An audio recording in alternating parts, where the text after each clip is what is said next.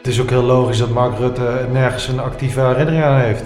Als je zulke lange dagen maakt, gaat je geheugen achteruit.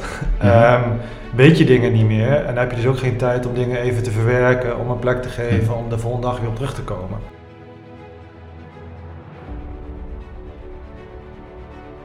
En dat vind ik als iemand die gespecialiseerd is in controle en motivatie, vind ik dat extreem bijzonder. Dat vind ik, ik vind het fascinerend dat we ja, zo lang nog, nadat het eigenlijk al wetenschappelijk ontkracht is, dat we nog steeds dat soort opvattingen terugzien in onze instituten, in ons belastingstelsel, bij het UWV, bij de gemeentes, bij zorgverzekeraars. Ah, ik vind het fascinerend. 92% van alle organisaties die meedoet aan de pilot gaat er gewoon mee door. 3% die heeft nog even nodig, een omschakeling nodig. En 3% zegt, nou nee, eh, dit is even niks voor mij, weet je wel. Dus voor het gros Mhm. van de organisatie is het gewoon mogelijk, zonder verlies van, van, van, van winst hè, of omzet. Het, gaat, het neemt zelfs toe. Je hoort fragmenten uit het interview met Louis Goulmy, schrijver van het boek Echte mannen werken vier dagen. Hierin pleit hij voor alternatieve arbeidsverhoudingen, het experimenteren met werkdagen en het basisinkomen. Louis is afgestudeerd aan de Radboud Universiteit Nijmegen met een bachelor bedrijfseconomie en een master accountancy en controle met een specialisatie in motivatie en managementcontrole. Hij is oprichter en eigenaar van Control en Motivatie en van Werk24.nl. Veel luisterplezier met aflevering 40 van de Gouden Graal podcast. I feel like a lion. I'm so strong. Bring me the legacy. I'm so fun. I feel like an energy is going inside my mind. We zitten vandaag in Arnhem. We zitten bij eh, Louis Goelmey. Spreek ik het goed uit? En Goulmy is het. Goulmy, ja, een Franse naam. Franse naam. Klinkt gelijk een stuk mooier ook, eh, moet ik eerlijk zeggen. Eh, schrijver van het boek eh, Echte Mannen Werken Vier Dagen. Een frisse kijk op mens, werk en inkomen. En we zitten in een bijzondere locatie en die mag je zelf even vertellen. Ja, dit is een kerkgebouw. Mijn moeder die, die is hier erg actief. Vrij vrijzinnige gemeente. En ze zei, als je een mooie plek hebt waar je stil een podcast kan opnemen, kom dan maar bij ons. Nou, Dus, eh, nou ja, ik zei nou prima. ik heb al een heel wat eh, keukentafels eh, gezeten bij mensen, maar nog nooit in een inspirerend gebouw zoals dit. Dus wat dat betreft zal het daar niet aan liggen vandaag bij deze podcast. Ik wil met je goed vinden die eerst een aantal dilemma's gaan, gaan voorleggen en daarna een aantal hoofdthema's gaan, gaan behandelen. Onder andere energiemanagement, natuurlijk van vijf naar vier dagen per week werken en het basisinkomen. Ja, Maar we beginnen met een paar dilemma's en die komen dan bij de, de rest van de, van de podcast wel eh, verder nog aan de orde. Heel Nederland aan de vierdaagse werkweek of nooit meer sporten? Welke zou je voor jezelf kiezen? Eh, nee, ik vind sport wel heel belangrijk. Dus eh, nooit meer sporten gaat hem niet worden. Dat gaat hem niet Nee, worden. nee, Oké, dan maken we maar de helft van Nederland aan de vierdaagse werkweek. Is, dat, is dat ook goed? Organisaties die niet overstappen op de vierdaagse werkweek zullen de slag om talent verliezen. Ja of nee? Ja, De meerderheid van de mensen met een achturige werkdag zijn in de laatste twee uren het meest productief. Mee eens of niet? nee, niet mee eens. Moet ik wel nuance? Kan ik daar nog bij, iets bij zeggen? Tuurlijk. Ehm, als je goed op deadlines gaat en je zegt aan het eind van de dag, eh, omdat heel veel mensen weg zijn en ik heb die deadline, het Mhm. moet af, kan dat een boost geven. Ehm, maar eh, dat betekent wel, zeggen, dat je de eerste paar uren dat dus niet vanuit jezelf doet. Eh, als je dat wel doet, dan ben je in de eerste paar uur ben je veel effectiever dan in de laatste twee uur. Duidelijk. Je bent pas succesvol als je op een verjaardag kunt zeggen dat je een drukke baan hebt. Ja, oneens natuurlijk. ja. Het zijn ook te makkelijk, hè? De makkelijke zijn, dit, inkoppertjes, zijn de ja, inkoppertjes eh, om er gelijk even in te komen. hè. Waar is het ziekteverzuim hoger? Bij mensen met een fulltime baan of mensen die parttime werken? Nou, in dit geval is het mensen die parttime werken. En dat is, vinden mensen heel vreemd. Maar dat zie je bijvoorbeeld in de zorg. Is dat de zorg, dat bij de zorg mensen die parttime werken ook een hoger ziekteverzuim laten zien. Maar de rapporten laten ook zien, dat heeft ook voor een deel te maken dat ze daarnaast vaak mantelzorg en andere zorgtaken op zich nemen. En tegelijkertijd minder verdienen, dus ook wat meer financiële stress ervaren. En dat, zijn, dat is eigenlijk een mix waardoor je dus uh, het ziekteverzuim verhoogt. Of een hoger ziekteverzuim ziet. Ja. Ik voel mij als promotor van de vierdaagse werkweek meer een Don Quixote of het kind in het sprookje van de nieuwe kleren van de keizer. De laatste, ja, de kleren van de keizer. Ja, ja. Maar je blijft het roepen. Ik blijf het roepen, ja, zeker, ja, ja. Oké. Wat is belangrijker, baanzekerheid of inkomenszekerheid? Inkomenszekerheid. Nou, daar komen we straks in het interview ook nog wel uh, uitgebreider op, op, terug. We gaan even terug naar je beginjaren, hoewel je nog niet, uh, nog niet zo heel oud bent natuurlijk, maar goed. Je ging toch als jong afgestudeerd bedrijfseconoom via een hip detacheringsbureau bij een gemeente aan de slag. Maar die baan die zegt je binnen vijf maanden op, omdat, zoals je het zelf omschrijft, het sombige moeras dat we bureaucratie noemen, alle nodige levensenergie uit je zoog. Alsjeblieft. Alsjeblieft, duidelijke omschrijvingen. Ja, ja, ja. Nou, wat is je nu uit die vijf onvergetelijke maanden toch nog het meeste bijgebleven? Nou, nou het, ik, ik vind het een, een toneelstuk. Dat is me Mhm. bijgebleven. Het, het zijn allemaal welwillende, ook in zo'n organisatie waren het allemaal welwillende mensen die graag iets goed wilden doen. Maar op een of andere manier door zo'n klamme doek van, een, van ja, in dit geval de gemeente, maar de gemeente is dat niet alleen, ehm, ja, kwam, kwam, kwamen dingen niet van de grond. Waren de werkprocessen die zo traag waren, ja, dat ik dacht van, hè, wat, wat is hier aan de Mhm. hand? Nou ja, dat is mij bijgebleven. Het is, het is niet de onwelwillendheid van mensen die er werken. Het is, ik denk dat het voor een deel te maken heeft met hoe mensen ermee omgaan. Als copingmechanisme. Want als je daar niet mee om kan gaan, dan krijg je wat ik heb, een bore-out. Of bore- wat ik had, Mhm. een bore-out. En dan, ja, dan verlaat je de organisatie. Want is het ook een soort, soort zelfbescherming die de mensen in stand houden doordat ze zich dan wel conformeren binnen dat systeem? Dat ze dan ook denken, nou ja, oké, dan kan ik hier goed gedijen en dan kan ik hier eh, mijn tijd goed volmaken. Eh, ja, ja, dus het is een, voor een deel is het een coping. Voor sommige mensen zullen daadwerkelijk er, er goed bij voelen. Mhm. Hè? Dus die zullen er echt wel bij gedijen. Andere mensen zullen zeggen, oké, ik ga er niet tegen eh, ja, in het verweer, want het kost me te veel energie, Mhm. is me niet waard. En er is een groep die daar tegen afzet en die het graag anders ziet. En ja, dan bestaat ook de kans dat als dat niet lukt, dat je er of ziek van wordt of de organisatie verlaat. En dat is op zich wel grappig, want de vorige podcast was met Martijn Aslander. En die heeft in zijn boek Nooit Af heeft hij het over boze burgers, blije burgers en de zelfoplossers. Ehm, en dat zie je dus in organisaties als het ware ook. En de hoeveelheid ZZP'ers die je nu tegenwoordig ziet, dat zijn als het ware de zelfoplossers. Die zeggen, oké, ik ga het buiten dat, dat systeem doen, buiten die organisatie doen. En dan kan ik zelf bepalen waar ik naartoe ga, hoe ik mijn werk doe, wanneer ik werk. Nou, en noem het eigenlijk allemaal op.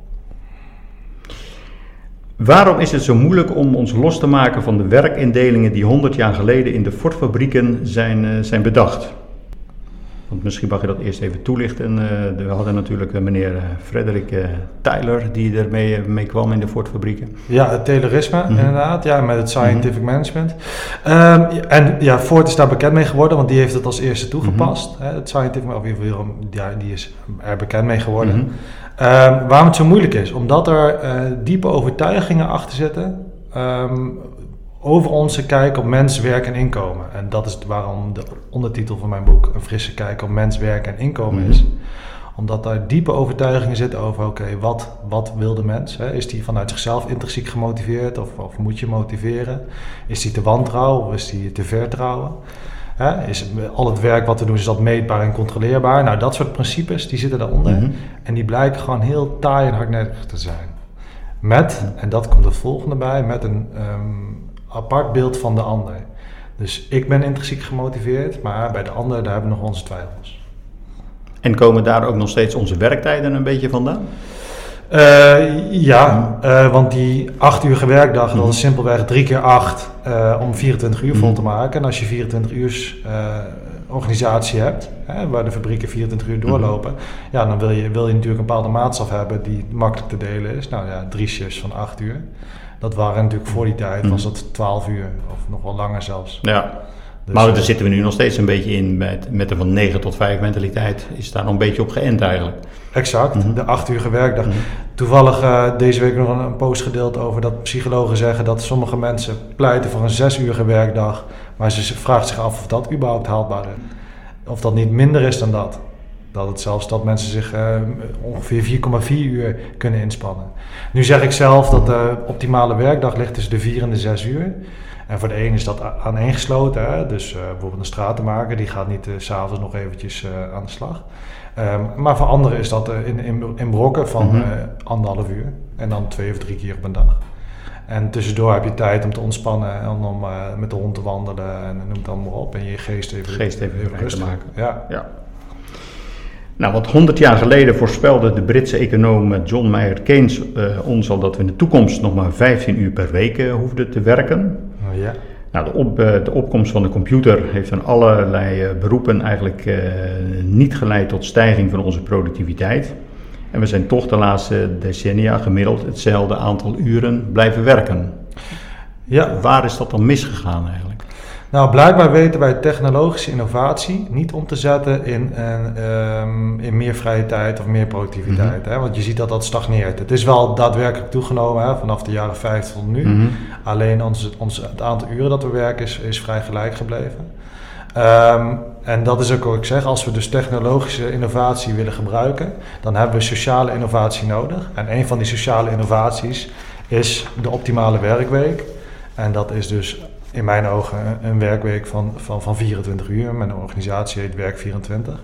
Maar dat zou ideaal zijn en optimaal. En op dit verband denk ik dat we naar 4 keer 8 gaan. Hè, als we dan toch nog in uren blijven denken. Ehm, en dan kom je op een vierdaagse werkweek uit van eh 32 uur. Oké, want in, in de landbouw en de industrie heeft wel door die krachtige technologische ontwikkelingen heeft er eigenlijk eh, wel een, eh, een grote uitstroom van arbeidskrachten geleid en, en tot schaalvergroting. Maar in de dienstensector eh, is dat eigenlijk niet gebeurd. Hebben we ook niet een beetje onze eigen banen eh, daaromheen geschapen en de invulling daarvan?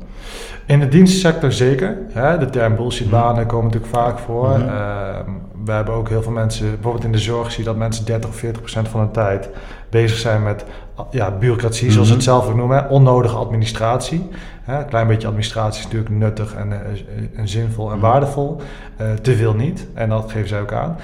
Ehm, en je ziet inderdaad dat de landbouwsector, die heeft inderdaad heel erg kunnen mechaniseren. En daardoor, en dat zag je eigenlijk al 1900, begin 1900, daardoor zijn heel veel mensen van het platteland naar de stedelijke omgeving getrokken, omdat er op het platteland minder werk was. Ehm, urbanisatie komt daar natuurlijk Mhm. als gevolg ervan. Ehm, en daar had je natuurlijk nog de fabrieken destijds staan om... eh, mijn, mijn overgrootvader eh, die eh, had een sigarenfabriek, dus er moest sigaren gerold worden. Ja, dat is een vrij, vrij arbeidsintensief proces. Maar dan praat je over 1910, 1920.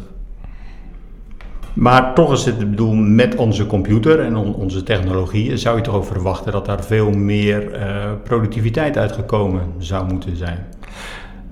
Ja, zeker. Dat zou je zeker verwachten. Ehm, is er niet dat we heel veel van onze tijd eh, vergaderen? Hè? Dus Mhm. we, we, we gaan echt ja, te ruim, te, te scheutig om met onze tijd. Ehm, dat is ook een soort van ehm, eh, het systeem tevreden houden. hè. Want als je eerder klaar bent en je hebt je werk sneller gedaan, dan, eh, ja, dan, dan mag je vrije dag Mhm. schrijven of vrije uren, hè, want je moet aan je uren komen. Mhm. En dan kom je ook bij het volgende item uit, is dat ehm, mensen ehm, eh, die houden het systeem als het ware tevreden. Ehm, en die gaan dus rituelen ontwikkelen waardoor ze wel aan die 32 of 40 uur eh, komen. Zonder dat daar dus toegevoegde waarde, productiviteit, tegenover Ja, staat. Ja, Ja. ja. Want nu noemen we ook nog steeds in heel veel bedrijven de afdeling HR, Human Resources. Eigenlijk komt dat toch ook nog een beetje uit die industriële revolutietijd. Waarvan het, het is een soort, je, je hebt een, eh, een machine heb je en zo heb je ook nog een, eh, een, een menselijke arbeid daarin. Dat noemen we ook nog een resource. Dus we zien het als een soort inwisselbaar product. Geeft dat al aan dat die afdeling ook nog steeds een beetje achterloopt bij de nieuwste ontwikkelingen? Ja, ja, je hebt kapitaal, arbeid en, eh, en land. Hè. Dat Mhm. waren zeg maar, de Ja. drie factoren. Ehm, en HR inderdaad wordt gezien, dat dan word je inderdaad als de mens als grondstof. Mhm. En wat je eigenlijk ziet is dat, en dat, die kentering zijn we vergeten te maken, is dat voor heel veel mensen de eh, organisatie een instrument is. Anders kan je beter zelfstandiger worden. Maar hij zegt, ja, als ik zelfstandiger ben, dan heb ik andere dingen niet. Moet ik zelf bijvoorbeeld eh, sales en marketing gaan doen. Dus voor mij is de organisatie een instrument om meer te bereiken dan alleen. En als ze die omslag kunnen maken, hè, dat noem ik in mijn boek ook HTM. Hè, dus niet van haar, Mhm. niet HRM, Human Resource Management, maar HTM, Human Talent and Motivation. Mens, talent en motivatie. En dan kunnen die omslag maken, want dat betekent dus dat die organisatie een instrument wordt voor de medewerker. En dan kan je samen meer bereiken dan alleen. Ehm, en dan ben je dus af van het idee dat de mens een resource is of een instrument die je moet managen. En daar komen we straks ook nog even op terug natuurlijk op, op de arbeidsmarkt en hoe dat we kunnen zorgen dat we de juiste mensen binnen krijgen en kunnen motiveren. Eh, dus daar speelt ook een afdeling eh, HTM, zoals je noemt, eh, ook een belangrijke rol in. Ja, zeker. Ja, hoe kunnen we zorgen dat de mensen met de juiste talent en de juiste Mhm. motivatie op de juiste plek zitten Mhm. en die dat dan ook eens een keer duurzaam kunnen volhouden? Hè, dus dat is denk ik inderdaad heel belangrijk. Ja. Nou, dat is een mooi bruggetje naar het volgende hoofdstukje energiemanagement. Ja. Hoe lang houden ze dat duurzame vol? Eh, in een van mijn vorige podcasts was eh, Martijn Aslander eh, te gast. Die heb hem net ook al eventjes eh, genoemd. Die zei ook al van het belangrijkste is om je energie te managen en niet je tijd. Nu kan ik me voorstellen als er werkgevers hier naar luisteren dat ze zeggen van ja, allemaal leuk en aardig, maar laten we de balans dan niet te veel doorslaan naar de, de werknemers. Eh, ja, dat vind ik, een, vind ik een leuke, want dat zou betekenen dat er, een, dat er eh, eh, verschillende belangen zijn Mhm. eh, tussen de werkgever en tussen de medewerker. En dat, dat is dan ook weer een van de overtuigingen, dat noemen ze de agentschaptheorie. Eh, dat gaat er eigenlijk op dat, dat, de, dat de principaal, de agent, een andere belangen heeft dan de aandeelhouder. En dat, daar, dat, nou, dat er dus allerlei redenen zijn waarom ze gaan shirken, waarom ze dingen gaan doen die tegen het belang van elkaar Mhm. inzitten. En nou, dan moet je dus allerlei controlemiddelen toepassen om die belangen weer op één Mhm. lijn te krijgen. Om dan weer op dezelfde. Nou ja, dat, die overtuiging, ehm, dat is, die zit vrij hardnekkig. Want de andere kant van andere theorie die dat een beetje tegenspreekt, noemen ze de stewardship theory. En dat gaat erom eigenlijk, de medewerker is een steward, is een, is een ambassadeur van je organisatie. En die wil uit zichzelf het juiste doen en zo zichzelf en de organisatie verder helpen. Ehm, in dat verband zou ik zeggen, is, dus, is daar dus geen tegenstrijdig belang. Ehm, maar goed, daar moet je mensen natuurlijk wel van zien te overtuigen dat, dat het anders is. Je ziet bijvoorbeeld bij buurtzorg. Bij buurtzorg gaan ze echt Mhm. uit van die stewardship theory.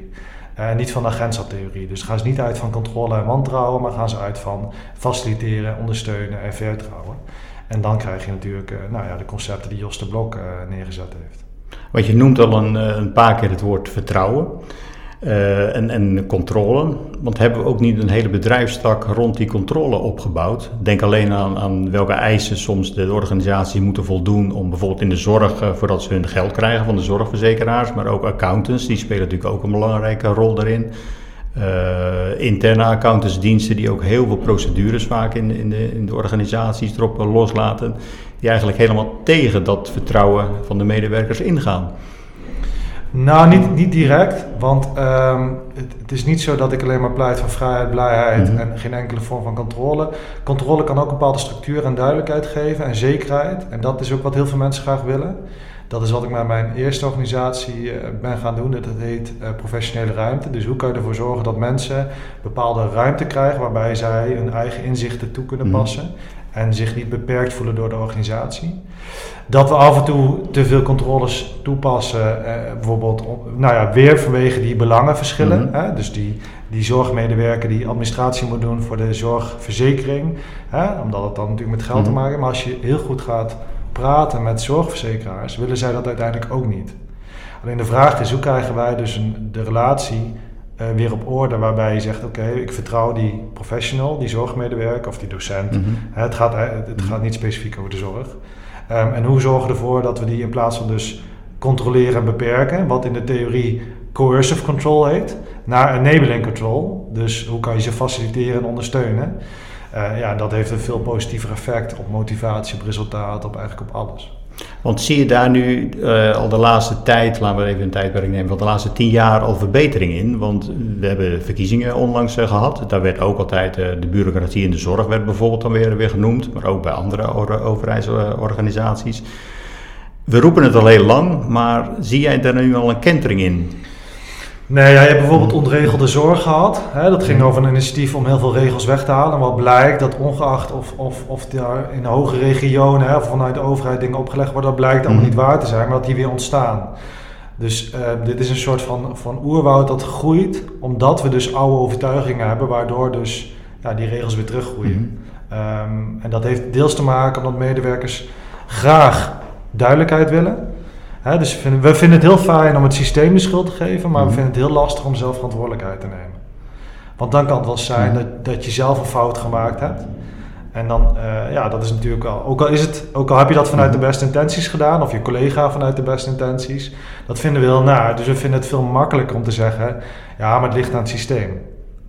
En, en dan, dan is het een externe rol. Hè? Nou goed, ehm, dan, eh, en dat vinden we veel makkelijker om die de schuld te geven, dan dat we kijken naar oké, maar hoe werken... Jezelf betrekt. Ja, ja, op jezelf betrekt. En hoe werken we als interne organisatie mhm. en hoe komt het dat?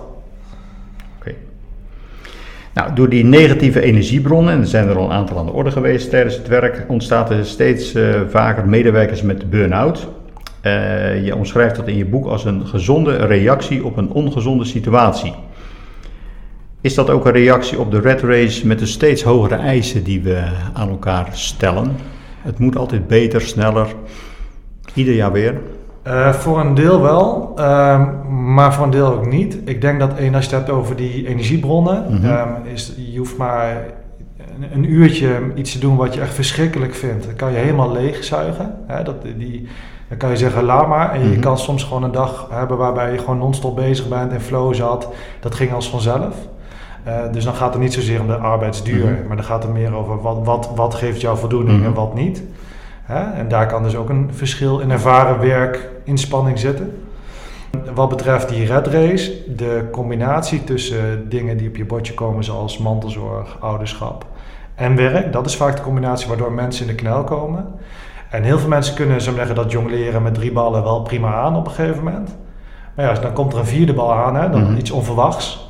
Eh, kind wordt ziek, uh, ouder wordt ziek, je bent zelf niet helemaal mhm. lekker in orde. Ja, dan is de kans groot dat je niet mhm. één bal laat vallen, maar alle ballen. En dat is, ik, ik heb voor de grap noemde ik bij ouders, ik, dat is jong leren voor gevorderden. dus als je als jonge ouders en vooral alleenstaande uh, vaders of moeders, als je dan aan het jong leren bent, uh, ja, weet je wel, dan, is het echt, dan ben je echt een gevorderde, dan mhm. ben je dus jong leren voor gevorderden geworden. Kan voldoende bewegen en slapen je energie voldoende opladen? Of red je het ook met veel koffie en, en Red Bulls? oh, dit is wel leuk. Ik heb toevallig gisteren op LinkedIn een, een post gedeeld over kuppensoep, over vier uur kuppensoep. Ja. Dat is natuurlijk duidelijk een manier waarop we vermoeidheid of dingen maskeren. En dat is, uh, bijvoorbeeld, je ziet bij jongeren bijvoorbeeld, die nemen voor half tien, die hebben al het eerste blikje Red Bull naar mhm. binnen gewerkt. Logisch, want dat puberbrein is helemaal nog niet wakker om, om half negen, negen uur. En toch zeggen wij, nee, ik douw die wiskundige mm. sommen in het brein. Dus dat ze dat doen is al logisch. Maar goed, de variant die volwassenen gebruiken is zijn koffie. Aan het eind van de dag, nou ja, dat is waar vier mm uur kuppensoep uh, mooi op inspeelde. Uh, dus uh, ja, ja dus we, we, we, hebben daar wel te weinig oog voor, zo voor, die, voor ons dagritme. Want ook het slapen komt toch ook wel in je boek naar voren toe. Dat dat ook wel een hele belangrijke factor is. Hoe dat je energiemanagement uh, gedurende de dag zich, uh, zich houdt. Ja, ja zeker. Ja. Mm -hmm. Ik denk dat dit zijn gewoon fysieke en psychologische mm -hmm. basisbehoeften die uh, soms tekort komt. En waarvan ik denk dat, en dat is jammer, want dat gaat dus ten koste van jouw inzetbaarheid en je productiviteit mm -hmm. uiteindelijk. Al moet ik ook zeggen dat productiviteit een hele oude term vindt hoor. Want dat, dat doelt op die meetbaarheid. Mm -hmm. uh, van, maar um, dat is, ja, als je voldoende slaapt, mm -hmm. voldoende sport, ben je beter inzetbaar, inzetbaar heb je, is je geheugen beter, uh, maak je minder fouten, ben je vriendelijker. Um, heb je wat meer uh, ja, tolerantie voor, voor prikkels. Voor Incasseringsvermogen. Wat meer incasseren, exact. Ja, ja. En dat lijkt, dat lijkt zo zeggen, tijd te kosten. Hè? Want, mm-hmm. ja, want slapen, ja, dat heb je, daar heb je tijd voor nodig. Hè? Dus, uh, acht, negen uur, sommigen kunnen met minder af. Eh, maar goed, als je dat dus niet doet, ga je echt significant minder functioneren. En dat kan dus, en dat schrijf ik dus ook in mijn boek, zelfs schadelijker zijn dan met alcohol op, achter het stuur zitten. Een gebrek aan slaap is soms schadelijker dan met, ik raad het je allebei niet aan overigens, maar ja. Hoe pas je dat in je eigen leven in? Want je bent ook, zoals je het zelf omschrijft, amateur, tri triatleet. Dus dat is heel veel sporten trainen. Hè? Daarvoor, uh, dus hoe pas je je weekritme daarop in? Nou, ik ben sowieso altijd uh, woensdag vrij. Dat vind ik heel mhm. lekker. Uh, zoals gisteren ben ik even lekker naar het bos geweest. Mm nou ja, dan kan je daar een beetje landen en je, je gedachten in gang laten gaan. Mhm. Goed beweeg je ook natuurlijk. Voor de rest wat ik altijd zorg, ik ga maandagmiddag ga ik lekker zwemmen. Dus dat is voor mij natuurlijk mm ochtends even wat en dan ga ik zwemmen. En dan kan ik smiddags weer lekker wat doen. En dat doe ik op vrijdag als het ware ook. En dinsdag en donderdag zijn de dagen waarbij ik s'avonds sport. Uh, dat is dan mijn structuur, dus dan zorg ik dat ik er bij tijds kan eten. Dat je het in balans houdt. Ja, dat ik het in mhm. balans houd, maar mhm. ook dat je dus dagen hebt waarbij je dus waarbij sport niet als onderbreking voelt. Of weet je wel, dat je mhm. denkt, nou die dag kan ik gewoon uh, uh, ergens een afspraak hebben. Of, ja, dus, en, en, op die manier probeer je dat vorm te geven. Nou zullen denk ik een aantal luisteraars die zullen zeggen van nou, dat lijkt me echt een, een, een schitterende weekindeling. Hè. Op woensdag inderdaad uh, even een, klus doen en als middags uh, in het bos gaan, gaan sporten. Uh, voor de rest ook nog, nog je, je, je, tijd te nemen. Maar als ik daar bij mijn baas en mijn werkgever mee aankom, dan zegt hij van, nou misschien moet je eens twee dagen eventjes uitzieken. Want volgens mij ben je niet helemaal meer gezond in, in, je hoofd. Want dat gaan we hier echt niet doen, toch? ja, ja, de grote kans van wel. Ja, ja dus dat is ook wel een beetje jouw missie, om te zorgen dat dat besef doorkomt van het moet in balans blijven eigenlijk. En als dat niet in balans is, dan krijg je op langere duur de gevolgen, de rekening gepresenteerd. Exact, ja. En mhm. rust en inspannen zijn mhm. eh, complementair aan elkaar. Hè? Mhm. Dat geldt voor het sporten ook. Als je naast het sporten geen rust pakt, dan geeft jouw uh, trainingsarbeid, die, die rendeert niet. En dat gaat eigenlijk ook voor je werk, voor je inzetbaarheid. Dus als jij um, iets voor elkaar wil krijgen, dan kan je best even inspannen. Daar is helemaal niks mis mee. En die ene dag waarbij je misschien te lang doorgaat, ook niet. Maar tegenover die inspanning staat ontspanning. En rust eh, is daar complementair aan. Dus het is niet, dat, dat is niet, dat is niet uh, een afweging of-of. Het, voegt, mm het voegt waarde toe aan elkaar. Nou wordt betaald werken in de publieke opinie, die wordt eigenlijk hoog gewaardeerd. Uh, en het houdt eigenlijk weinig rekening met andere activiteiten in het leven van mensen.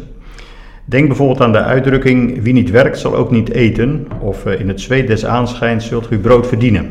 Nou, nou zitten we ook in een kerkgebouw, dus zijn toepasselijk. Maar zit die Calvinistische inslag ons ook nog steeds niet een beetje dwars? Ja, dat, dat, zit ons, uh, dat zit ons heel erg door. Je moet eerst inderdaad de koffie en de cake verdienen. Mhm. Ja, voordat je rust mag hebben. Dat, is, dat is echt wel een soort van, uh, ja, ik bijna zeggen spijkerbed mentaliteit. Uh, die zit ons zeker dwars. Ja, ja en dat is, dat is dus ook waarom we dus... Um, ik, heb, ik, ik kreeg altijd van mijn moeder een sasdag. dat was op school. Dan kreeg ik de zes van Sonja Bakker is daarmee begonnen. En mijn moeder zei altijd, als je geen zin naar school hebt, dan krijg je van mij een sasdag. En dus wat dan? Ja, dat is gewoon als je even scheid aan school uh, hebt. Een, een, dag waarbij je even niet ziet zitten. Mhm. Je hoeft van mij niet present te zijn. Als je echt mhm. niet wil, Louis, dan eh, weet je al, zet er streep doorheen, dan ga je niet. Ik denk dat ik in al die jaren misschien drie of vier keer in heb gezet. Mhm. Want de grap is, zodra je me hebt, hoef je niet meer in te zetten. En dan werd voor mij, werd, werd, werd leren, werd naar school toe gaan, werd willen in plaats van moeten. Dus elke dag koos ik ervoor, oké, vandaag, ik mag naar school, mhm. ik hoef niet naar school.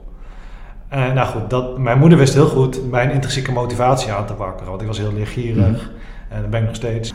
En op die manier te doen. En aan de andere kant, en dan heb je, dat is ook een hele grote groep, die zegt: nee, nee, met de snotterbel of even niet lekker in orde, je, je moet gaan, mhm. want uh, school is school.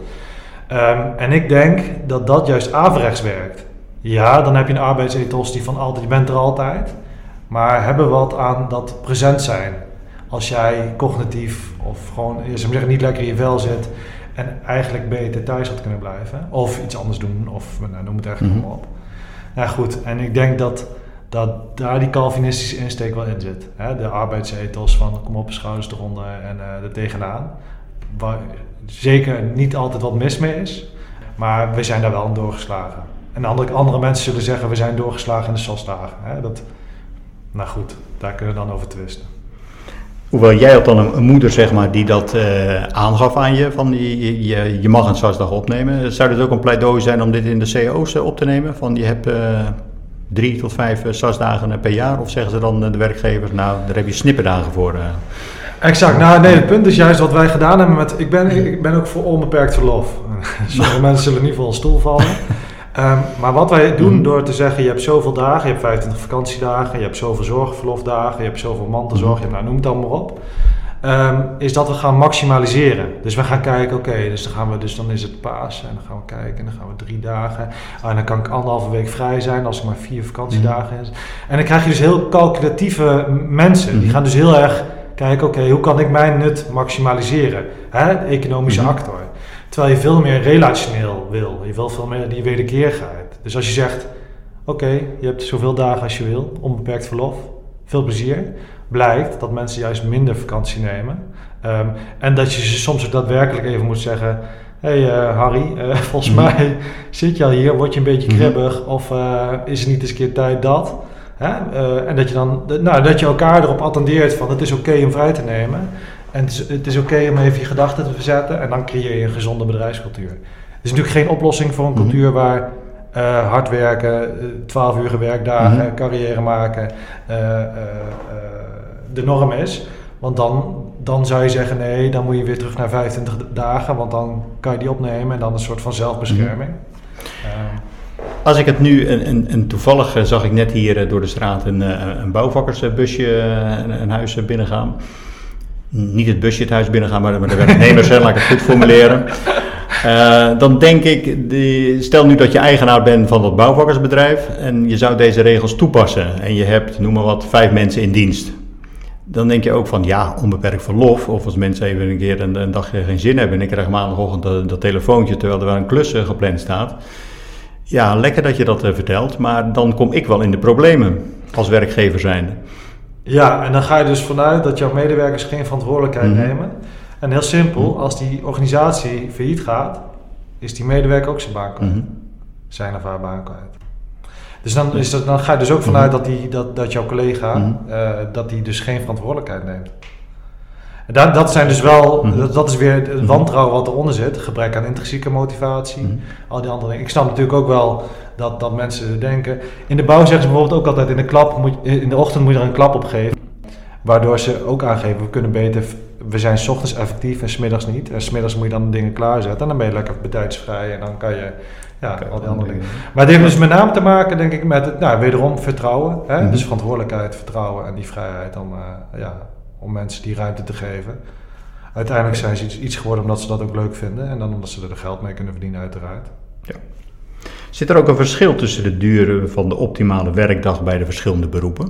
Je noemde net al even een stratenmaker, maar bijvoorbeeld als je veel met, met, je, met je hoofd werkt, zeg maar, uh, ja, kan ik me voorstellen dat acht uur wel eens wat, wat lang is. Kan je dat over verschillende beroepsgroepen zo uh, grofweg verdelen? Hey, nou, ik denk dat het niet zoveel uitmaakt of het fysiek of cognitief uh, inspannend Mhm. is. Ik denk dat die, die stratenmaker of die zorgmedewerker, uh, die is heel erg gebaat bij een kortere werkdag. Um, ik snap ook best dat je als op, op een klus zit of in een ziekenhuis werkt, dat je niet tussendoor de hond uit gaat Mhm. laten en andere dingen gaat doen. Als je kennisintensief werk doet, waarbij bezetting, hè, dus aanwezigheid op locatie minder belangrijk is, waarbij directe collega's ook minder belangrijk zijn, omdat je zelfstandig je werk Mhm. uh, kan doen, dan kan je dat opknippen in, in uh, drie keer, wat ik in mijn boek zeg, drie keer een voetbalwedstrijd. En dan doe je dat 's ochtends, 's middags en misschien aan het eind van de middag of twee keer in de ochtend. Wat, wat, ja, wanneer jij het meest energiek bent.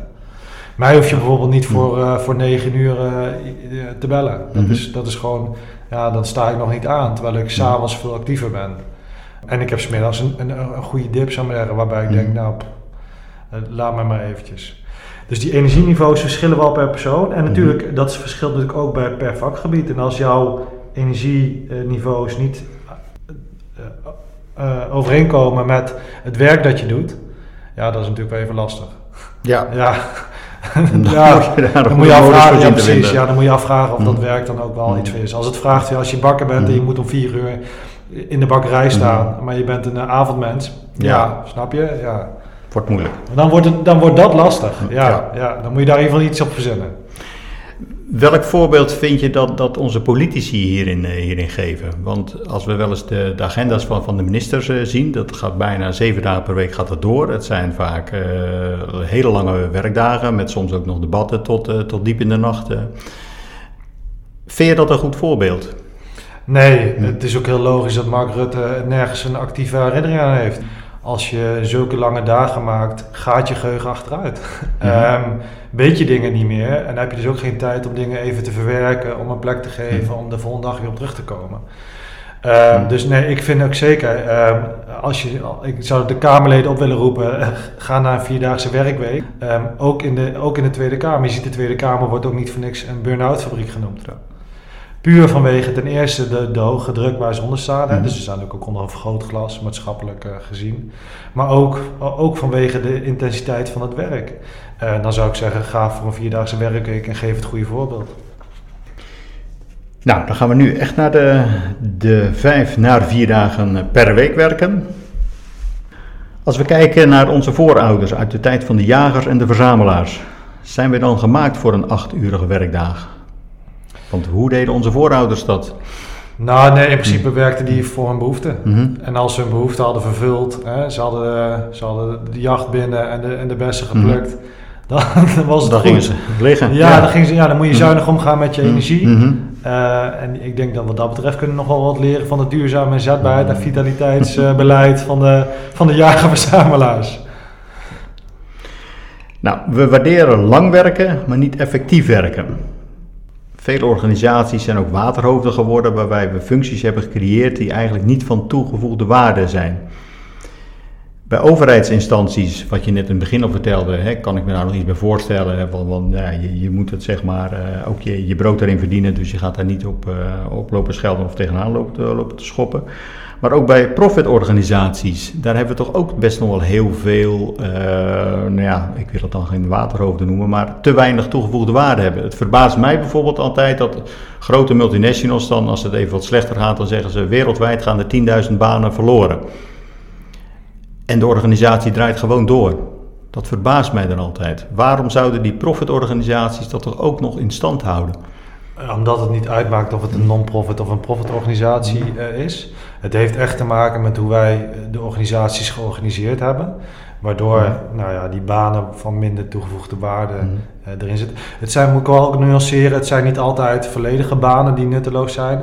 Het, je kan een hele nuttige baan hebben met een wat groter deel nutteloos werk. Eh, de- en, en nou ja, die verhouding, ze zeggen, bij de een is dat misschien wel doorgeslagen naar een onzinbaan. Sommigen zeggen zelf, ik heb echt een onzinbaan, ik weet niet wat ik doe. Ik, ik had zo'n baan waarvan Mhm. ik dacht, ja, ik kan me nu wel opstaan en naar het werk toe gaan, maar ik weet, weet mijn god niet wat ik vandaag ga betekenen voor de samenleving. Behalve dan dat ik mijn uren ga maken, dat die gefactureerd worden en dat de detacheerder daar geld aan verdient, dat ik er geld aan Mhm. verdien. Ja, en nou ja, goed. En als niemand eh, er wat van zegt, kan dit nog jaren doorgaan. Door- door- Maar dat is niet de Mhm. eh, Maar wat ik zelf wel, ik vind wel eh, raar dat in een profitorganisatie hier niet meer oog voor is. Want je zou zeggen dat de marktwerking ervoor zorgt dat dingen eh, gemaximaliseerd worden, Mhm. geoptimaliseerd worden. Eh, maar ja, blijkbaar eh, zijn we wat dat betreft, ja, heeft het gewoon echt te maken met hoe organisaties georganiseerd zijn. En hebben die inefficiënties blijven in stand. Bij veel vacatures staat tegenwoordig als secundaire arbeidsvoorwaarde dat je hybride mag werken, maar jij pleit voor een andere vorm, namelijk asynchroon werken. Kun je dat eens uitleggen? Ja, ja, je ziet vaak dat de discussie gaat over remote. Hè, dus dus volledig op, eh, van locatie Mhm. af is ergens anders. Of dat nou Bali is of thuis. Of whatever. Hybride is vaak de combinatie hè, tussen, tussen thuis of op locatie of ergens anders. En ik zeg nee, ja, jongens, laten we nou eh, kijken naar ehm, wat, waar kan jij het beste werken. Waar en wanneer kan jij het beste. Dus dan koppel je werk los van locatie, zover dat kan. En, en tijd los van inkomen. Hè, dus dat je mensen zelf de vrijheid geeft om hun werk te doen. Ehm, en dan weten mensen donders goed dat als je steunkousen aan moet trekken bij iemand, dat je dat niet op afstand kan doen. Hè, dus dan is, dan is de locatie weer een middel. Mhm. Ehm, en dan op die manier kan je je werk veel beter vormgeven, zonder dat je mensen vastpint op tijd of locatie. En de, de traditionele synchrone variant, waarbij je altijd maar op locatie en aanwezig moet zijn, dat is denk ik wel verleden tijd. Asynchroon werken sluit synchroon werken daarmee niet uit. Synchroon werken sluit asynchroon werken wel uit. Nu rekenen we nog steeds aan het eind van de maand af op basis van het aantal uren dat iemand aanwezig is geweest en niet op basis van de waarde die er in die periode is eh, toegevoegd. Zie je daarin al een lichte verschuiving optreden? Ja en nee. Ehm, het is eigenlijk nog een, een, een, een we zijn nogal onzichtbaar aan het klokken. Mhm. hè? Dus we, je hoeft al lang niet meer in te klokken bij een prikklok en al die andere dingen. Veel mensen vullen nog wel de uren in, maar dat zijn allemaal fictieve, fictieve uren. Mhm. Hè? Dus we zijn als het ware onzichtbaar gaan klokken. En ehm, heel veel mensen krijgen ook te horen, maakt niet uit als je je werk maar gedaan krijgt ehm, en als je je uren maar maakt. Nou ja, en dan zit je eigenlijk, de volgende stap is dat we zeggen, laat die uren los. Wij gaan ervan uit dat jij je werk levert en we gaan jou zo goed mogelijk faciliteren om dat te doen. En we hopen dat je dat binnen, hè, binnen een redelijke werkweek en zonder al te veel overbelasting en, en al die andere dingen, dat je tijd hebt voor je gezin, voor jezelf, nou, noem het eigenlijk allemaal maar op. Eh, dat je dat doet en dat je daarmee waarde kan creëren voor Mhm. jezelf en voor de organisatie. Of eigenlijk voor de organisatie en daarmee dus ook voor jezelf. Oké, want als we dit eh, met een voorbeeld zouden, zouden moeten verduidelijken, dan zou je bijvoorbeeld zeggen, eh, iemand die werkt op een reclamebureau en die moet voor een bepaalde klant een reclamecampagne verzinnen. Eh, dan zou het kunnen zijn dat hij daar binnen één dag mee klaar is, terwijl eigenlijk normaal gesproken zou hij er een, ook een maand over kunnen doen. Zeg je dan eigenlijk van, als het binnen één dag klaar is, mag hij de, de rest van de dagen zou hij dan, dan vrij mogen nemen? Want het product ligt er al, dus de waarde heeft hij toegevoegd. Ja, zeker weten. Ja. En de grap is juist dat er zijn ook reclamebureaus, juist binnen de marketing, die voor mij deden die dat al tien jaar geleden, die zeiden van bij ons eh krijg je gewoon vijf dagen betaald, 40 uur, Mhm. eh, maar je, bent je bent gewoon een dag vrij, want die dag vrij zorgt ervoor dat je heel creatief bent. Dus de koppeling tussen de tijd en de, de, de, de, de, het resultaat wat ze dus neer hoeven leggen, ja, die heeft dus baat bij creativiteit. Hè? Want dan, dan, dan verzin je iets, Mhm. hè? je probleemoplossend vermogen, je creativiteit, die heeft dan even tijd om, eh, om eh, te, te- ja, te borrelen. Eh, en dat zorgt ervoor dat je een bepaalde waarde levert. En die klant zou het echt zijn roesten. Mhm. Ehm, hoe lang je ermee bezig bent geweest. Want uiteindelijk wil hij een bepaald product. Ik zeg ook altijd, het maakt niet uit hoe lang de bakker bezig geweest is met zijn brood. Mhm. Ik wil gewoon een brood. En ik ga niet vragen, hé hey bakker Mhm. of bakster, hoe lang ben je bezig geweest om het ba- bakken van... Ik wil gewoon eh, lekker volkoren brood, vers, Ja. maar niet te veel zout. Mhm. Nou ja, Mhm. en een beetje vezels. Nou ja, en, en daar betaal ik voor. Je noemt hierbij nog een criterium, namelijk die van in welke mate is het door mensen beïnvloedbaar. En dan denk ik, begeef je dan niet een beetje op, eh, op glad ijs, doordat het kan makkelijk kan ontaarden in een wel eens of niet eens eh, discussie. Eh, het resultaat, de, de beïnvloed- beïnvloedbaarheid Ja. van het resultaat. Mhm, Ja. Ja, nou goed, als je bijvoorbeeld een voorbeeld neemt van een, eh, een autoverkoper, die kan een Mhm. fantastische autoverkoper Mhm. zijn, of verkoopster wederom. Ehm, ehm, maar die kan bijvoorbeeld de crisis, de economische tijd tegen hebben. Dan kan je zeggen, ja, je bent geen goede, goede verkoper, Mhm. omdat, je, omdat je niet voldoende auto's eh, verkoopt. Maar er kunnen dus ook externe factoren meewegen, zoals eh, subsidie die afgeschaft is, eh, economische tijd dat Mhm. je tegen hebt gehad.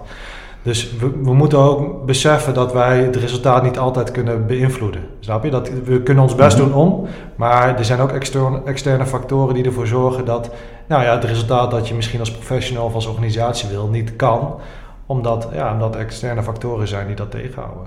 En dat kan ook Mhm. in de geestelijke gezondheidszorg zijn. Mhm. Bijvoorbeeld iemand die heeft een fantastische behandeling en die helpt iemand fantastisch op weg. Maar eh, van, omdat dus nog steeds van buitenaf financiële problemen komen zijn, of dat er in de familie Mhm. problemen spelen, kan ervoor zorgen dat die behandeling niet rendeert. Dus ja, dat is misschien ook wel vrij Mhm. economisch gedacht, maar die komt dus, die komt dus niet helemaal tot Mhm. zijn recht. Misschien is dat een beter woord.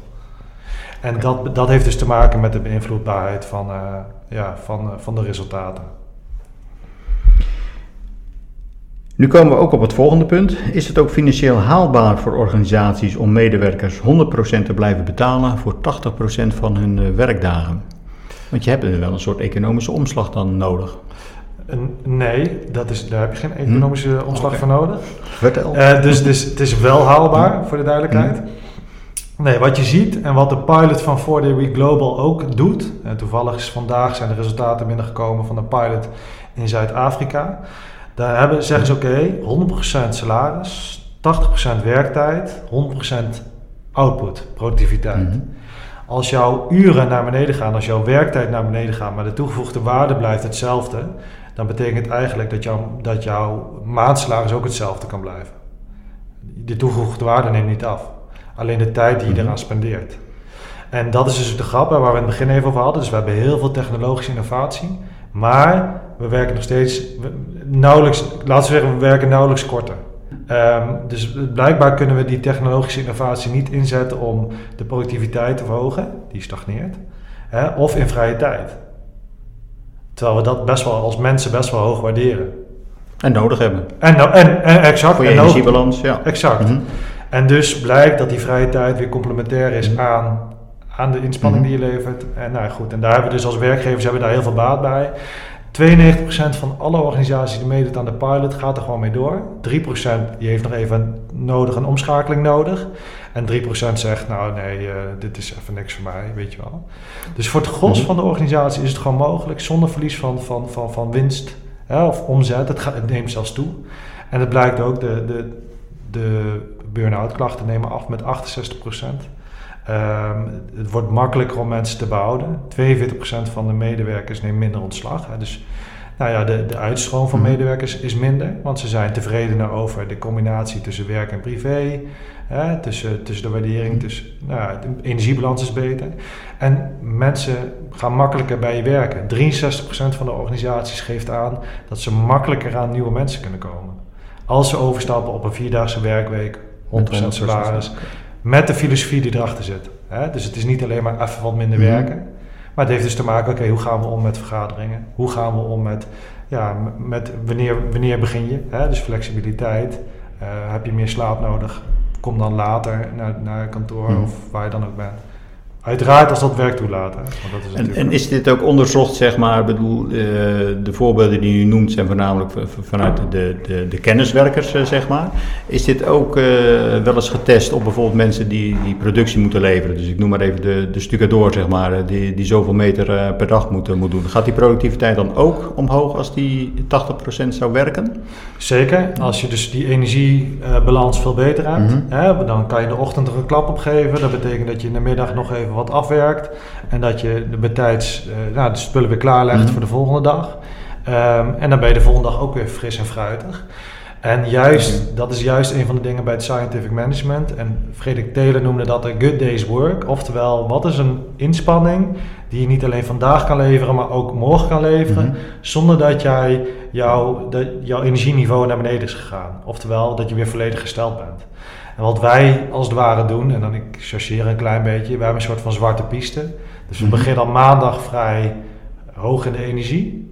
Als je misschien jong bent, 20, heb je misschien nog een Mhm. kater. Maar de meeste mensen, die beginnen maandag Mhm. lekker uitgerust. En die, die hebben die, ja, een dalende trend naar vrijdag. Nou ja, vrijdag, Vrijdagmiddagborrel. nou, vrijdag lig je er eigenlijk al eigenlijk om 10 uur al af.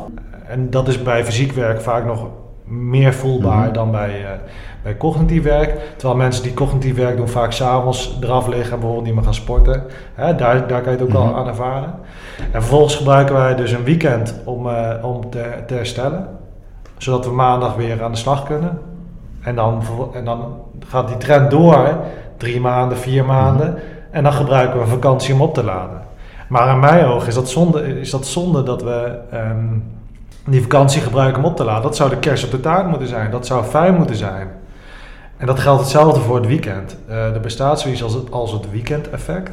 En dat, dat is eigenlijk niet wenselijk, ook al klinkt het heel fijn. Mensen komen door de week heen fysiek en psychologische basisbehoeften tekort. Die ervaren ze in het weekend wel. Daar hebben ze autonomie, betrokkenheid, doen ze iets wat ze, wat ze leuk vinden, waar ze Mhm. goed in zijn, een hobby bijvoorbeeld. Dat is de self-determination theory, de zelfbeschikkingstheorie die dat, eh, die dat zegt. Ehm, en hoe groter de discrepantie is, hoe groter het verschil tussen werkweek en weekend, eh, hoe groter dat weekendeffect is. En eigenlijk zou je dat willen dempen, je zou dat weekendeffect willen dempen, zodat mensen gedurende de week daar meer ruimte voor hebben, waardoor ze dus veel inzetbaarder blijven. En dat toont bijvoorbeeld de pilot ook aan, is dat de inzetbaarheid, de workability zoals dat dan heet, Mhm. die neemt enorm toe. Ehm, en dat heb je dus nodig om inzetbaar, duurzame inzetbaarheid, vitaliteit, maar dus ook om eh, ja, je productie te kunnen blijven draaien. De pilots tonen namelijk allemaal aan dat dat blijft nagenoeg allemaal gewoon in orde. En de preventieve kosten, ook de zorgkosten, want ziekteverzuim nu al en de burn-out, die worden daarin ook meegenomen. Want dat zijn eigenlijk dan ook weer minder kosten eigenlijk. Exact, ja. Dus het is een klein beetje aan de, aan de voorkant investeren. Mm -hmm. Om te zorgen, en dat effect gaat echt niet over, over één week. Hè? Dus, mm -hmm. dus wil je burn-outs oplossen, dan kan je wel één week de vierdaagse Mhm. werkweek invoeren, maar dat, dat, dat doet het hem niet. Hè? Dus dat heb je voor een langere periode Mhm. nodig. Ook bijvoorbeeld omdat je ziet dat, dat vrouwen twee keer zoveel kans maken op een, uh, op een burn-out dan mannen.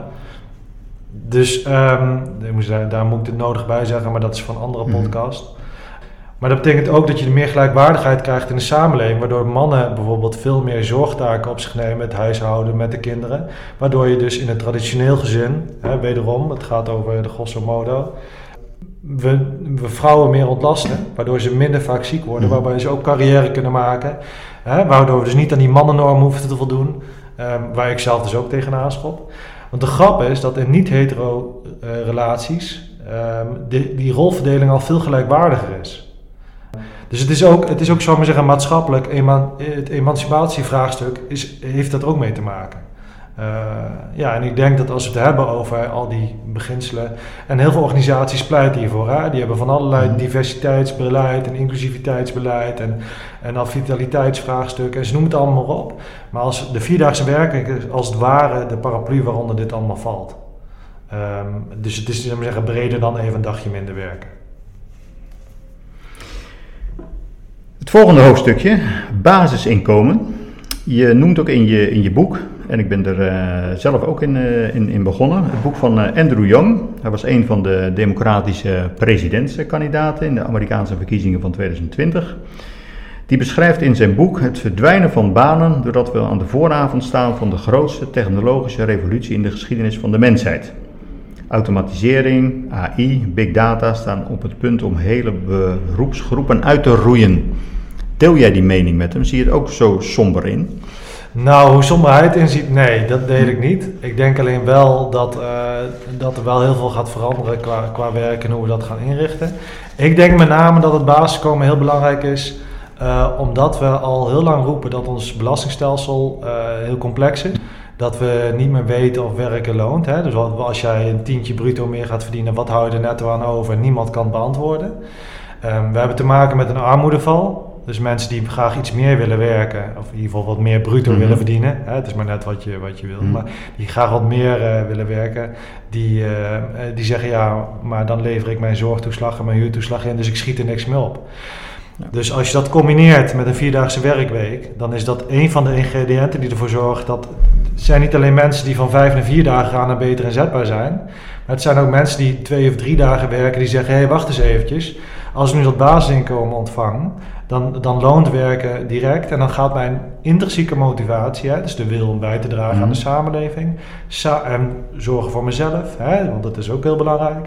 Dan gaat het samen op met mijn extrinsieke motivator. En dat is namelijk het, het geld. En je wil niet dat die twee krachten tegen elkaar in zijn. Dus je bent al keihard gemotiveerd, tot, tot het plafond gemotiveerd om, om, om iets te doen. Maar je wordt gekort aan de andere kant. Ja, dat zijn, dat zijn tegenstrijdige belangen. Nou, dat zie je bijvoorbeeld bij een uh, bijstandsuitkering.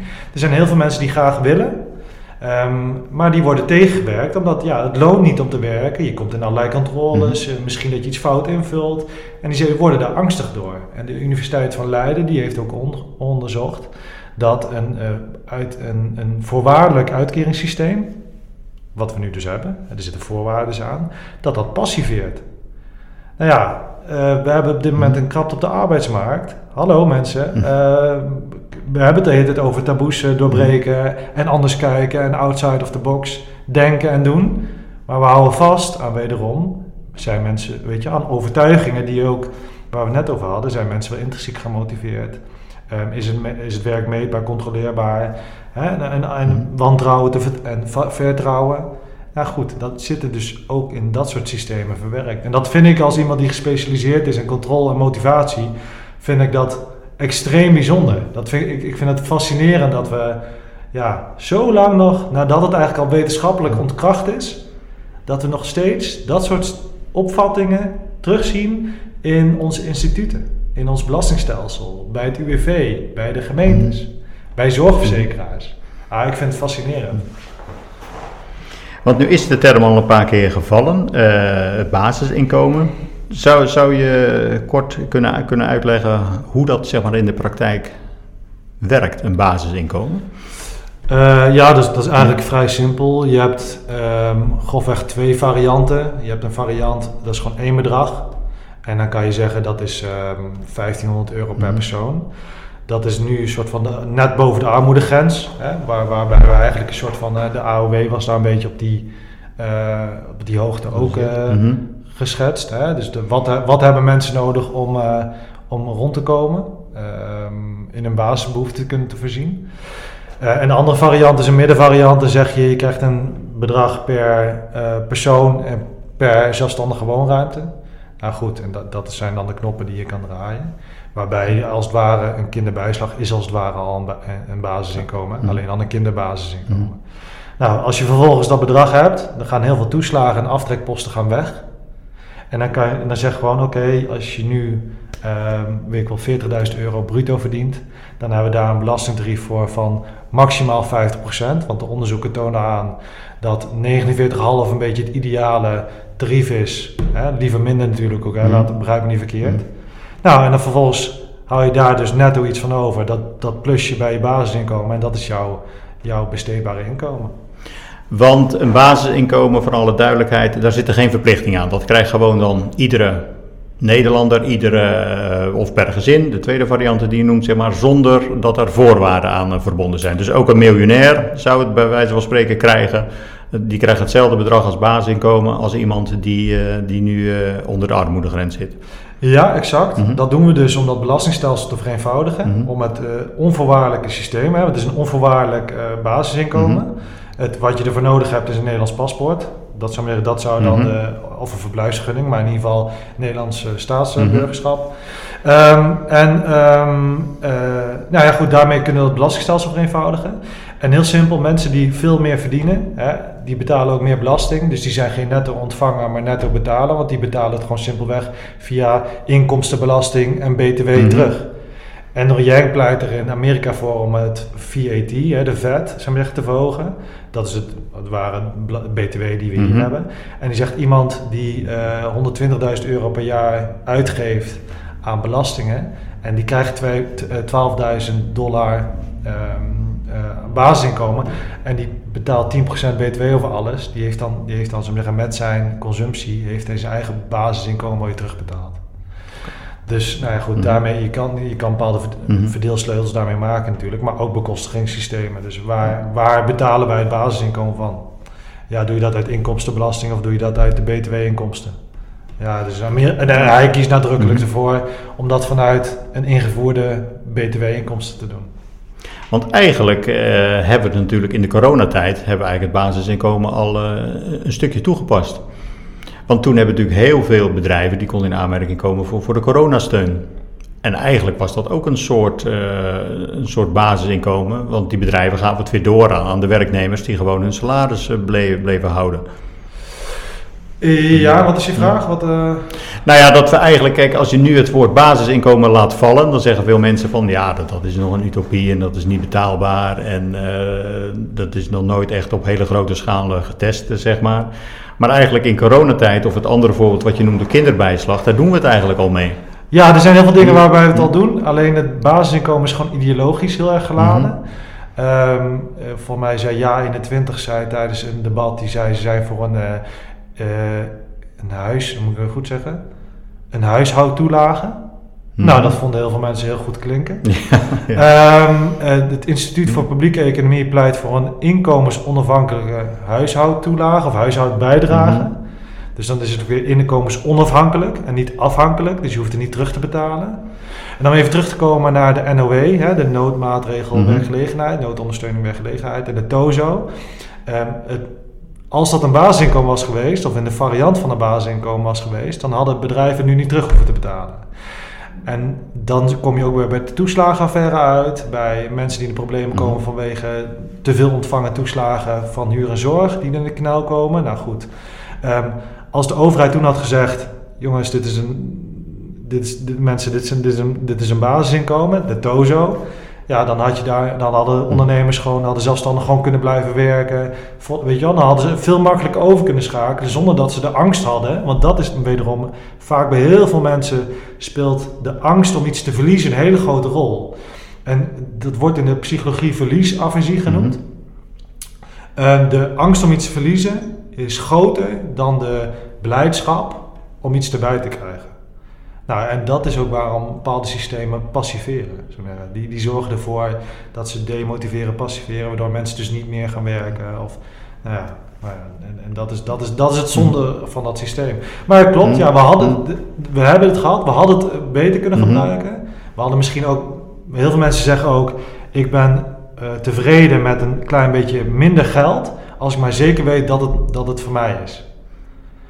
Dus eh, stel dat het niet, eh, stel dat ze zeggen, nou, oké, de armoedegrens is eh, eh, 1500 euro, maar doe mij 1350 zonder gezeik, hè, om het even te zeggen, Mhm. dan kiezen ze daar direct voor. Die zijn bereid dus om, om een stukje van die stress af te kopen als het ware. Ja, en ja goed, dat hadden ze bijvoorbeeld bij, bij, de, bij de TOZO en de NOE kunnen, kunnen doen. Hebben ze niet gedaan, dus wel, vind ik persoonlijk wel jammer. Nou hoor je in de discussies over het basisinkomen ook altijd genoemd worden, ja, maar als je mensen gratis geld eh, gaat geven, dan, eh, dan eh, komen ze helemaal niet meer van de bank af. Dus dan gaan ze helemaal niet meer, niet meer werken. Hoe is dat in de testen die er gedaan zijn uitgekomen? Nou, daar, daar blijkt niks van dat alles, want Mhm. het is wederom, hè, dus wie is, wie is gemotiveerd, jij of ik. Hè? dus, Mhm. dus ik ben intrinsiek gemotiveerd en ik zou blijven werken als ik een basisinkomen Mhm. krijg, maar die ander, Mhm. ja, daar betwijfel ik nogal van. Hè? Dus daar komt dat Mhm. rare beeld van de ander weer vandaan. Nou, en je ziet dus wat ik net zei over die armoedeval, over het passiverend werken van een, van een, van een bijstandsuitkering, het voorwaardelijke uitkeringssysteem wat we hebben, ehm, dat niks van dat alles waar is. Er is een onderzoek gedaan van mij met een heel beperkt basisinkomen. Dat is in eh, volgens mij Finland geweest, of Denemarken, moet ik even, ben het even kwijt. Maar daar zag je bijvoorbeeld ook in, mensen met een basisinkomen gingen niet meer werken dan mensen met een eh, voorwaardelijk uitkeringssysteem. Ze gaven alleen wel aan dat ze gelukkiger en gezonder waren. Nou goed, dit zouden mensen zeggen die er tegen zijn. Mhm. En andere mensen zeggen, ja, maar wacht eens even, al die wortels en stokken en dat, en dat doen eh, met mensen om Mhm. ze maar te begeleiden, werkt ook niet. En dat is dus ook de grap, hè? Dus mensen gewoon geld geven is eigenlijk heel effectief en goedkoop. Ehm, en mensen met stokken slaan en sanctioneren, Mhm. dat werkt van gemeente, is hartstikke duur. Nou, en ik zeg, geef mensen een basisinkomen, iedereen, vereenvoudig dat belastingstelsel. En geef mensen aandacht die die aandacht ook willen. Want aandacht geven werkt altijd. Dus als sommige mensen dan hulp nodig hebben bij het zoeken van een baan, bij, bij, het, eh, bij scholing of nou, noem het dan maar op, daar is die gemeente dan voor. Maar zodra die gemeente tegelijkertijd kan sanctioneren en kan helpen, dan, verstaat, dan ontstaat er al een soort van botsing tussen wat vertel ik jou wel en wat vertel ik jou niet. En daarmee neemt de effectiviteit van die hulpverlening wederom weer af. Hè? Want dat is dan, dat is, maar zeggen, wat, wat je dan wil. Je wil mensen op weg helpen die het moeilijk hebben. Ehm, en tegelijkertijd zorgt dat basisinkomen ervoor dat die medewerker, die zorgmedewerker die nu drie dagen werkt, twee kinderen heeft, alleenstaand is, dat die gewoon een goede boterham kan verdienen. En eventueel, als er dan een keer voorbij komt dat, ze, dat hij of zij meer kan werken, eh, dat, eh, ja, dat het dan ook daadwerkelijk kan, zonder dat het ten koste gaat van zorg of huurtoeslag. Nou goed, dus het is, het is op een bredere Mhm. schaal dan alleen ehm uitkeringssysteem. Het heeft te maken met belastingstelsel, het heeft te maken met krapte op de arbeidsmarkt. Het heeft te maken met besteedbaar inkomen van lagere en middeninkomens. Hè, waarbij dus werken willen we dat het loont. Hè, dat wordt ook altijd gezegd. Dus we moeten in dat perspectief moeten we het basisinkomen ook zien. Eh, je geeft mensen een stukje onafhankelijkheid, een stukje autonomie. Vandaag stond eh, dat het eh, wetenschappelijke regeringsraad, WRR, moet ik, even, ik weet even niet waar de afkorting voor staat. Maar die kwam ook uit mensen eh, eh, hebben het idee dat ze te weinig regie en invloed hebben op hun leven. Nou ja, dat geef je met het basisinkomen. In ieder geval op het gebied van inkomen en bestaanszekerheid geef je dat, eh, geef je dat terug. Of neem het in ieder geval niet meer af. Het is maar net hoe je ernaar kijkt. Het zou eigenlijk met de, met de verkiezingen die we onlangs eh, gehad hebben, zou het een veel groter topic mo- mo- moeten zijn om die discussie hierover te voeren. Maar het is bijna, bij mijn weten, niet aan de orde gekomen. In de verkiezingsprogramma's van, de politieke partijen. Er waren er geloof ik een, een paar, er was zelfs een, een partij voor, maar die heeft maar duizend eh, stemmen gehaald, geloof ik. eh. dus ja, ja, ja. ja, het, ja. het is nog niet landelijk een, een discussie, laten we het zo zeggen, geworden. Wat eigenlijk wel, wel jammer is, want je zou de discussie er best over, eh, over willen voeren. Ik denk dat als toen het woord bestaanszekerheid viel, Mhm. mijn boek staat er van mij, wordt er, wordt er ook wel vaak over Mhm. gerept. Ik had echt verwacht dat nu, nu komt er iemand, hè, bijvoorbeeld, ik heb zelf op Volt gestemd. Mhm. Ik denk, om, juist omdat ze voor een vereenvoudiging zijn van het belastingstelsel. Maar ik vond echt een gemiste kans dat wij dat, wij dat basisinkomen, hè, of hoe je het dan ook wil noemen, Mhm. wat het meeste steun krijgt. In Amerika kreeg Freedom Dividend heel veel steun, omdat dat Mhm. gewoon heel lekker backt. En Amerika doet vrijheid, Mhm. gewoon heel goed. Uh, ja, dat we dat niet veel meer benut hebben om, om de problemen van hele normale mensen aan te pakken. Ja, met, de- met de uitdagingen die we hebben. Krapte op de arbeidsmarkt, het be- betaalbaar houden van eh, ja, je, je woning, eh, noem het allemaal op. Gezondheidskosten. Gezondheidskosten, eh, geestelijke gezondheid. Heel veel Mhm. mensen die daar geld zorgen zijn echt immens. Als die, die kosten van geldzorgen zijn groter dan de geldzorgen zelf. Hè, dus we kunnen Mhm. beter zorgen dat iedereen die geldzorgen heeft, dat geld krijgt. Dan dat we de behandeling gaan betalen. Want die behandeling kost een veelvoud van, van, van Mhm. dat. Ja goed, dat is misschien het andere uiterste. Maar het, ja, ik vind het persoonlijk inderdaad jammer dat dat niet eh, genoemd is. Nou, voordat we overgaan tot mijn vaste slotvraag, eh, vraag ik altijd aan mijn gasten of ze nog eh, iets over dit onderwerp kwijt willen of nog wat anders ter sprake willen brengen. De microfoon staat nog open, dus je kans is er nu nog. ben ik nog iets vergeten te vragen? Nu kan je het. Eh, nee, nou ik zou zeggen, eh, lees mijn boek. Mhm. Eh, daar staat een hoop in. Er staat Mhm. ook op in over wat ik ervaren heb en hoe ik ernaar kijk. Ook met mijn achtergrond als bedrijfseconoom. Mhm. Eh, dus ik kijk ook zeker vanuit het economische motief ernaar. Hè? Dat, is, dat vind ik zelf ook Mhm. altijd fijn. En ik zou zeggen, ik roep al die werkgevers op. ehm, kijk naar wat de vierdaagse werkweek voor jouw organisatie kan betekenen. Ehm, want er is, een, er is een hoop te winnen. Nou, mijn vaste slotvraag is altijd: eh, wat zou je als eerste op de agenda zetten als je minister-president van, eh, van Nederland eh, zou worden morgen? Wat zou dan je eerste beslissing zijn? Nou, het zal vast met een van de onderwerpen die we besproken hebben te maken hebben. Ik, ik twijfel nou. Nou, ik denk, ik zou, ja, ik zou zeggen het vierdaagse werkweek of de basisinkomen. Nee, dan, ik- het zou het basisinkomen zijn, dus Mhm. vereenvoudiging van ons belastingstelsel. Want ik geloof niet dat de overheid het vierdaagse werkweek eh, moet opleggen aan, aan, de, aan de markt. Ik denk dat de markt daar zelf achter moet komen dat dat gewoon veel beter werkt. Zoals Henry Ford ook de vijfdaagse werkweek en de acht uur werkdag heeft, eh, heeft ingevoerd. Dus het zou by far basisinkomen zijn. Hoe kunnen mensen die meer over jou te weten willen komen of eh, wat je allemaal doet eh, met jou in contact komen? Waar kunnen ze jou vinden? LinkedIn ben ik vrij actief. Eh, via mijn website werk24.nl. Eh, daar, daar schrijf ik de nodige blogs. Eh, ja, ik denk dat je dan wel met mij in contact komt. Stuur me een berichtje, zou ik zeggen. Helemaal goed. Dan wil ik je bedanken voor dit, eh, voor dit interview. En eh, nou ja, de luisteraars kunnen dat niet zien, maar ik, eh, ik zie je ogen glinsteren, zeg maar, bij, bij hoe dat je vol met passie over, de, over dit onderwerp praat. Dus ik vond het heel boeiend en ik heb je boek ook met heel veel belangstelling gelezen. Echte mannenwerken, eh, vier dagen, dus ik kan het iedereen aanbevelen. En dankjewel. Graag gedaan.